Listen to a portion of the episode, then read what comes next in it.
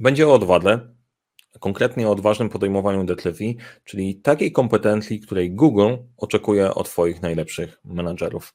Jak ja to widzę, no powiem w tym odcinku. Serdecznie zapraszam.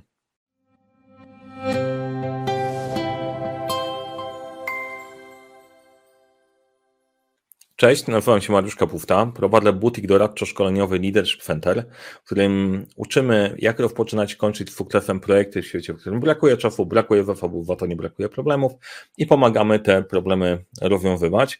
Razem z moim wspaniałym zespołem trenerskim od Special Workshops and Transformation e, wchodzimy, patrzymy na problem i go rozwiązujemy. E, chociaż nie, do tego patrzenia tam dodajemy też oczywiście trochę, trochę wiedzy i działania, natomiast mniej więcej tak to działa. Na tym podcaście i e, na tym kanale, w tym podcaście, na tym kanale dzielę się Wami wiedzą zarządzania, zarządzania projektami, praktykami w tym obszarze. Jeżeli interesuje Was ten temat, zasubskrybujcie ten kanał, dajcie łapkę w górę, jak Wam się spodoba, powiedzcie znajomym, że jest takie miejsce, w którym można się dowiedzieć fajnych, rzeczy.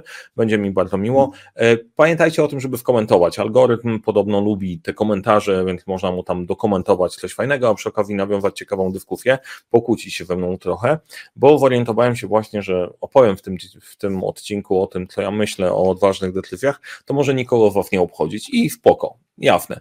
E, podzielę się z wami tego, jak ja to widzę, bo e, ten odcinek to jest kolejny, kolejny w cyklu opisywania projektu Oxygen, czyli projektu Google stworzonego na to, żeby wybadać, e, jakie są cechy najskuteczniejszych menadżerów w firmie. Jedną z tych kompetencji jest odważne podejmowanie decyzji. I trochę moich refleksji na temat odważnego podejmowania decyzji, jak ja to widzę, też to może Was zainspirować, przydać się Wam w życiu. Czy e, wszystkie się opierają na badania naukowe? Może nie. Tutaj dzielę się moim, moim doświadczeniem.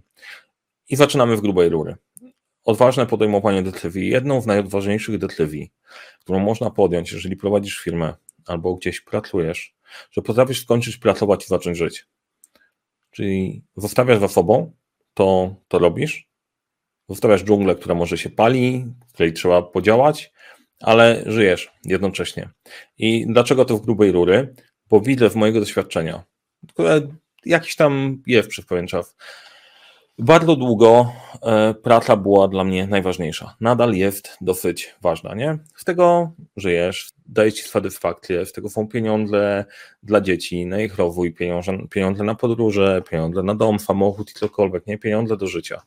E, jednocześnie mnóstwo o satysfakcji, ale jednocześnie można się w tym dosyć mocno pogubić.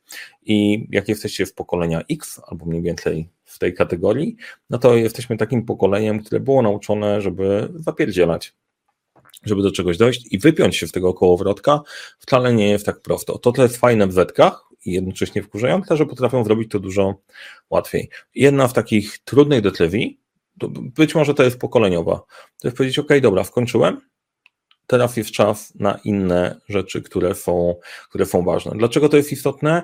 Ja widzę z mojego doświadczenia, że jeżeli e, to, co robię, mnie kręci i żyję w ogóle poza pracą, to przekłada się też na pracę.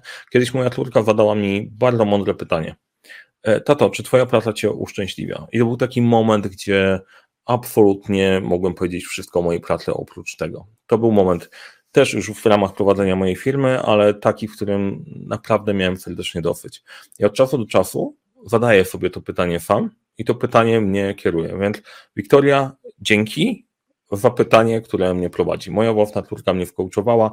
Uważam, że to jest bardzo fajny punkt, przy którym można się e, można się mm, zastanowić trochę. Ważne bardzo. E, a, jeszcze żeby nie było tak, że dobra, kurczę, Mariusz sobie coś wymyślił. Najwięksi, ci, którzy największy sukces osiągali w menadżerów, których ja obserwowałem, pracując jeszcze w korporacji, byli właśnie tacy, którzy mieli czas na to, żeby pójść do teatru, odciąć się, spotkać z przyjaciółmi i tak dalej. Ci, którzy pracowali non-stop, też osiągali sukcesy, natomiast no, trochę błysk w oczach gaśnie. Kolejne. Podejmujesz decyzję mimo niepewności, w mniejszej rury, natomiast ważny punkt. Część osób e, bo naturalnie chcemy mieć takie poczucie, że mamy pełne bezpieczeństwo, że nic się złego nie wydarzy, jeżeli podejmę decyzję. No niestety w projektach czy w ogóle w zarządzaniu podejmujesz decyzję, gdy nie ma pewności, że na 100% będzie tak, że wszystko pójdzie ok. Jakkolwiek by tego nie przepracować, podejmujesz decyzję pomimo tego, że istnieje ta niepewność i to jest w miarę efektywne. To nie znaczy, żeby działać na wariata, fajnie przemyśleć sobie rzeczywistość i podejmować skalkulowane ryzyko, natomiast warto też mieć świadomość tego, że e, nie będziesz wiedzieć wszystkiego. Na szczęście z czasem przychodzi na pomoc intuicja, jak przerobisz dużo sytuacji, to już wiesz, czy to jest dobra decyzja, zła decyzja, co ewentualnie trzeba sprawdzić i to jest super. Wow, niesamowity mechanizm. Jeżeli tego nie masz, możesz mieć, szczególnie jeżeli jesteś osobą odpowiedzialną, e, możesz dzia działać zbyt zachowawczo, oczekując zbyt dużej pewności i stuprocentowej pewności, bo obserwujesz ludzi, którzy wydają się, jak podejmują decyzję, jakby 100% wiedzieli co i jak. Ja podziwiałem takich ludzi. Mówią, w tą stronę idziemy. I ty, wow, on coś wie, on musi wiedzieć wszystko, on musi mieć takie poczucie pewności, jak ja mam przy prostych rzeczach. Okazuje się, że nie, mają to już przerobione, są przygotowani, dobra, jestem w stanie zaakceptować takie ryzyko i faktycznie czują się inaczej, czują się spokojniej, a nie dlatego, że wszystko wiedzą, tylko dlatego, że wiedzą, że ta niepewność w decyzjach istnieje zawsze. Kolejne, potrafisz sobie poradzić z mgłą. I co mam na myśli mówiąc mgłę? To jest jeden z elementów niepewności. Czasem nie wiadomo do końca, co my robimy, w którą stronę idziemy. System, w którym działasz, jest tak chaotyczny, nie, wróć, nie chaotyczny, jest tak złożony, że e, ciężko jest złapać w głowie, jak to wszystko ze sobą działa. Jednocześnie do tego włożonego systemu pojawiają się sytuacje, w której e, ludzie mają różne swoje dziwne zagrywki. Niektórzy specjalnie ściemniają, niektórzy ściemniają dlatego, że nie wiedzą, niektórzy są po prostu głupi, albo niektórzy grają w jakąś politykę i tak dalej. I na koniec się zastanawiasz, w jaką grę my w ogóle gramy, czy rządzą tym jakiekolwiek zasady. To radzenie z mgłą, w mojej perspektywy, e, ja jestem dosyć prostolinijny. Tak wygląda i każda opcja bawienia się w politykę, manipulacji i tak dalej, nie lubię tego. Dużo lepiej mi się pracuje, jeżeli wiem, że mogę pracować z kimś, kto mi nie wbije noża w pletle i nie będzie go przekręcał w nerkach. I jednocześnie daje duży kredyt zaufania na starcie, ale nauczyłem się w trakcie wyłapywać, jak ktoś mi nie pasuje, że jednak w pewien deal nie wejdziemy. Dla mnie sposób radzenia sobie z mgłą to jest orientować się, jak jest naprawdę. E, przejść przez czy 12 pytań, czy jakąkolwiek inną metodę, jakąkolwiek analizę sytuacji i zorientować się, jak jest naprawdę, albo jak jest najprawdopodobniej naprawdę jakie warstwy jakiegoś ściemniania są na to narzucone, tak jak w projekcie. Czy my wiemy, co robimy? Czy naprawdę jesteśmy w stanie się pod tym podpisać? Czy naprawdę to zostało zatwierdzone? I idąc sobie przez narzędzia, korzystając z narzędzi, i to jest właśnie rozwiązanie na radzenie sobie mgłą, korzystanie z najprostszych możliwych schematów myślowych, analizy, sprawia, że jesteś w stanie dużo tej mgły rozwiać i wtedy zdecydować, jaką decyzję podejmujesz czy rozwiewasz mgłę całkiem i działasz z otwartą przyłbicą, czy musisz w jakiś sposób wejść i w powrotem w tej mgle umieć walczyć w cieniu, tak jak w Spartanie. E, nie przepadam za tej ostatniej opcji, natomiast wiem, że jak pracuję z różnymi osobami, że niektórzy mają taką sytuację i trzeba w tej mgle umieć się poruszać. Czasem nie nazywają pewnych rzeczy po imieniu, nie? Bo, to, e, bo to polityka. Więc rozwiązanie jest takie, stań w prawdzie, oświetl to, zobacz jak wygląda i wtedy zdecyduj, co z tym zrobisz. Kolejna rzecz, potrafisz powiedzieć nie, nie tak, inaczej to zrobimy szefowi. Czyli jesteś w stanie e, być partnerem do dyskusji i sparring partnerem dla kogoś wyżej w hierarchii. To jest, to jest odwaga na co dzień, no bo najłatwiej jest założyć, szef mówi tak, robisz tak, najwyżej przecież sam tak chciałeś, nie? E, natomiast powiedzenie, słuchaj, nie tak zrobimy, jest inna, lepsza ścieżka, ja cię nią poprowadzę, jest, jest takim punktem przełomowym, gdzie ty bierzesz na siebie odpowiedzialność, e, bierzesz na siebie odpowiedzialność za bycie liderem w górę, to ty za to odpowiadasz, e, jesteś gotów ponieść konsekwencje, jeżeli coś pójdzie nie tak. Mega zmiana.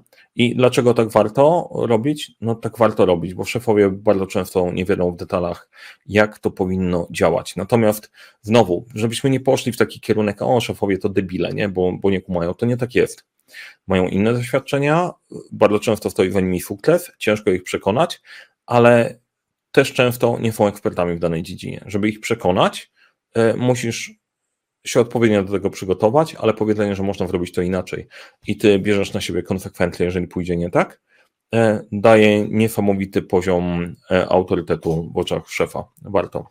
Bierzesz odpowiedzialność na klatę.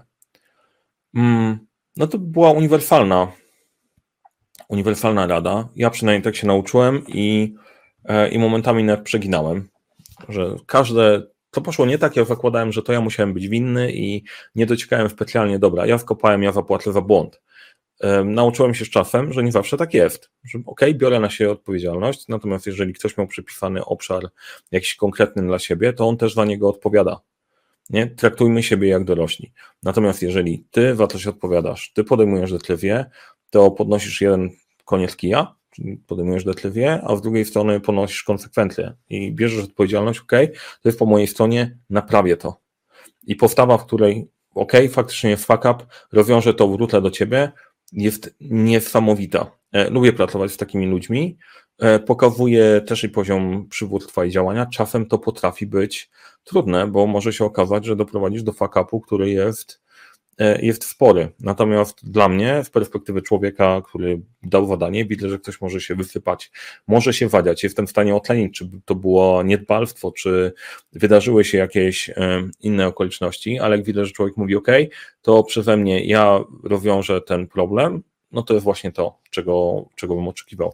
Jak gdybyś nie był menadżerem, byłbyś przedsiębiorcą. To jest taki element odnośnie odwagi.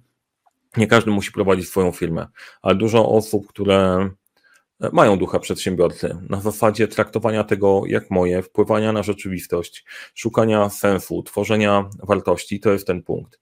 E, odważne podejmowanie decyzji oznacza, że ty bierzesz obszar na siebie, Mówisz, OK, zrobię, żeby działał najlepiej, jak tylko potrafię, żeby zadziałał, szanując czas, pieniądze, zasoby ludzi, jakby to było, jakby to było moje. O, mój wewnętrzny krytyk mi wrzuca, dobra, fajnie siejesz korpo propagandę, jak ktoś parę razy, od czasu do czasu w komentarzach pojawia się korpo propaganda i bullshit. Wiecie co? Hmm, jaka jest moja intencja? Moja intencja jest taka, że nie chodzi o to, żeby frajerzyć, Chodzi o to, że etyka pracy według mnie jest coraz bardziej wartościowa, nie? W świecie, gdzie, no okej, okay, czy ten świat jest nie, inaczej, wróćmy, bo będę gadał jak dziadek, nie?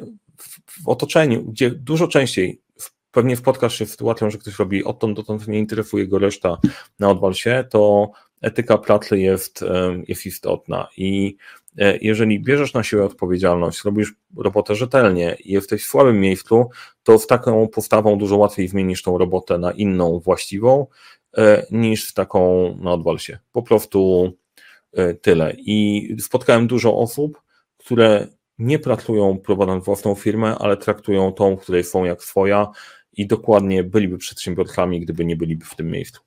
E, kolejne odróżnienie make decision od take decision. To jest ciekawe, że w polskim nie masz takiej, takiej gry słów na make decision, take decision, natomiast przygotowując się do jednego wystąpień, e, zobaczyłem, że jest różnica. Jak sprawdzicie sobie e, po angielsku, to znaczy make decision od take decision. Przekładając na nasze, make decision to jest wypracowanie swojej decyzji, zanim ją podejmiesz, czyli przygotowanie, zaplanowanie, ocenia ryzyka. A take decision to jest bierzesz na siebie odpowiedzialność i idziesz w tym, co postanowiłeś, postanowiłeś zrobić. E, to jest ważne. E, to taka inspiracja, którą się chciałem wami, wami podzielić, że często to wypracowanie decyzji jest bardzo, bardzo ważne. Przekłada się na zarządzanie projektami, na planowanie i tak dalej. Ale jak już przygotujesz, jest kolejny krok. Czy ja to biorę, czy mówię, nie, nie, to jednak nie moja bajka, ten projekt się nie wpina, nie biorę na siebie. Ale jak bierzesz, to już podejmujesz się tego, żeby dowieść i bierzesz na klatę konsekwencje. Jesteś gotów zapłacić za błędy. Tego też ja się uczyłem, też tak jak mówiłem, mówiłem z przeginką e, i teraz e, jak ktoś was się włapał, włapał za portfel, nie? to jest znowu wyakceptowanie konsekwencji. E, I, I z błędami. Ciekawostka, ciekawostka. Akurat na topie jest AI, uczenie modeli sztucznej inteligencji. Jedną z dobrych praktyk jest to, że nie, nie uczysz modelu na wszystkich danych, które masz będziesz w stanie przetestować. I modele, które nie popełniają błędów, e, są wyuczone na pewnym stałym zestawie danych i zawsze będą w stanie dać Ci odpowiedź pod warunkiem, że pytanie dotyczy tego konkretnego zestawu danych. 100% skuteczności, ale nie będą potrafiły poruszać się na czymś poza tym konkretnym zestawem. Czyli jaka jest cena za 100% pewność? Bezużyteczność. Teraz jak sobie przełożymy to na, na to, jak my działamy, jak chcesz 100% pewności, to zawsze podejmujesz się tych samych zadań w tym samym środowisku. Nie? tylko że robota menadżera nie będzie powtarzalna zawsze w tym samym środowisku. Więc generalnie, przekładając to dalej, będziesz popełniać błędy. I teraz taka moja myśl do wrzucenia. E, ta zdolność do popełniania błędów i gotowość na popełnianie błędów jest miarą naszej skuteczności. Żebyśmy nie poszli w tym kierunku, o, to im więcej błędów popełniam, to lepiej. Nie, bo też jesteś wtedy bezużyteczny. Ale e, bez popełniania błędów jesteś martwy. Jesteś w jednym miejscu już się nie ruszasz. Mam nadzieję, że włopaliście mnie. Napiszcie w komentarzu e, albo dajcie znać, czy się zrozumieliśmy. I podsumowując trochę ten odcinek, nie? co według mnie, na co możecie zwrócić uwagę. Broń Boże, nie jest to kompletna lista, nie jest to jedyna lista. Może być więcej rad, ale te mi się skojarzyły z tą konkretną kompetencją. Czyli potrafisz skończyć pracować, zacząć żyć, podejmujesz decyzję pomimo tego, że czujesz niepewność, potrafisz poradzić z mgłą i ją rozwiać i podjąć konkretne decyzje, potrafisz powiedzieć nie, tak robimy inaczej swojemu szefowi, bierzesz odpowiedzialność na klatę, gdybyś nie był menadżerem, to byłbyś przedsiębiorcą, odróżniasz make decision od take decision i jesteś gotów zapłacić za błędy. Oczywiście e, ta wersja mm, podcastu także w wersji feministycznej też mi się wydaje, że działa, chociaż bardzo jestem ciekaw zdań pani na temat tego, co powiedziałem, bo być może ja reprezentuję jakiś konkretny sposób myślenia, który jest inny, na innej energii, ale wydaje mi się, że to, co powiedziałem, jest dosyć uniwersalne. Chętnie na to spojrzę też w innej kobiecej perspektywie. Kobietą nie jestem, nie planuję w najbliższym, e, w najbliższym czasie, e, ale bardzo doceniam wszystkie menedżerskie kobiety. Jewu, zaraz zacznę bredzić, więc lepiej, lepiej wkończę. E, jak Wam się podobało, dajcie łapkę w górę, polecajcie przyjaciołom, jak się Wam nie podobało, polecajcie wrogom, napiszcie w komentarzu, co myślicie i zapraszam Was na stronę 12pytań.pl do naszego newslettera, gdzie znajdziecie sporo merytoryki, sporo tematów, które przygotowaliśmy przez ostatnie lata. Nie przegapicie niczego odnośnie nowych case'ów, zaproszeń e, gości na ten kanał i od czasu do czasu wyślę też do Was informacje na temat tego, co przygotowaliśmy nowego i ciekawego e, w nadchodzących miesiącach. E, dzięki bardzo, powodzenia. No i mam nadzieję, jeżeli uraziłem jakąkolwiek Panią, przepraszam. E, mam nadzieję, że zaproszę Was do tej dyskusji, bo jakkolwiek to jest jeszcze jeden taki mój ukryty projekt, że mam ochotę właśnie zrobić takie wdrożenie płci w zarządzaniu, w zarządzaniu projektami. Ciekawie jestem, co mi z tego wyjdzie. Więc wszelakie, e, wszelkich chętnych do tej dyskusji zapraszam do dyskusji pod tym filmem też. Dzięki bardzo, kończę, bo już zaczynam gadać za dużo. Trzymajcie się.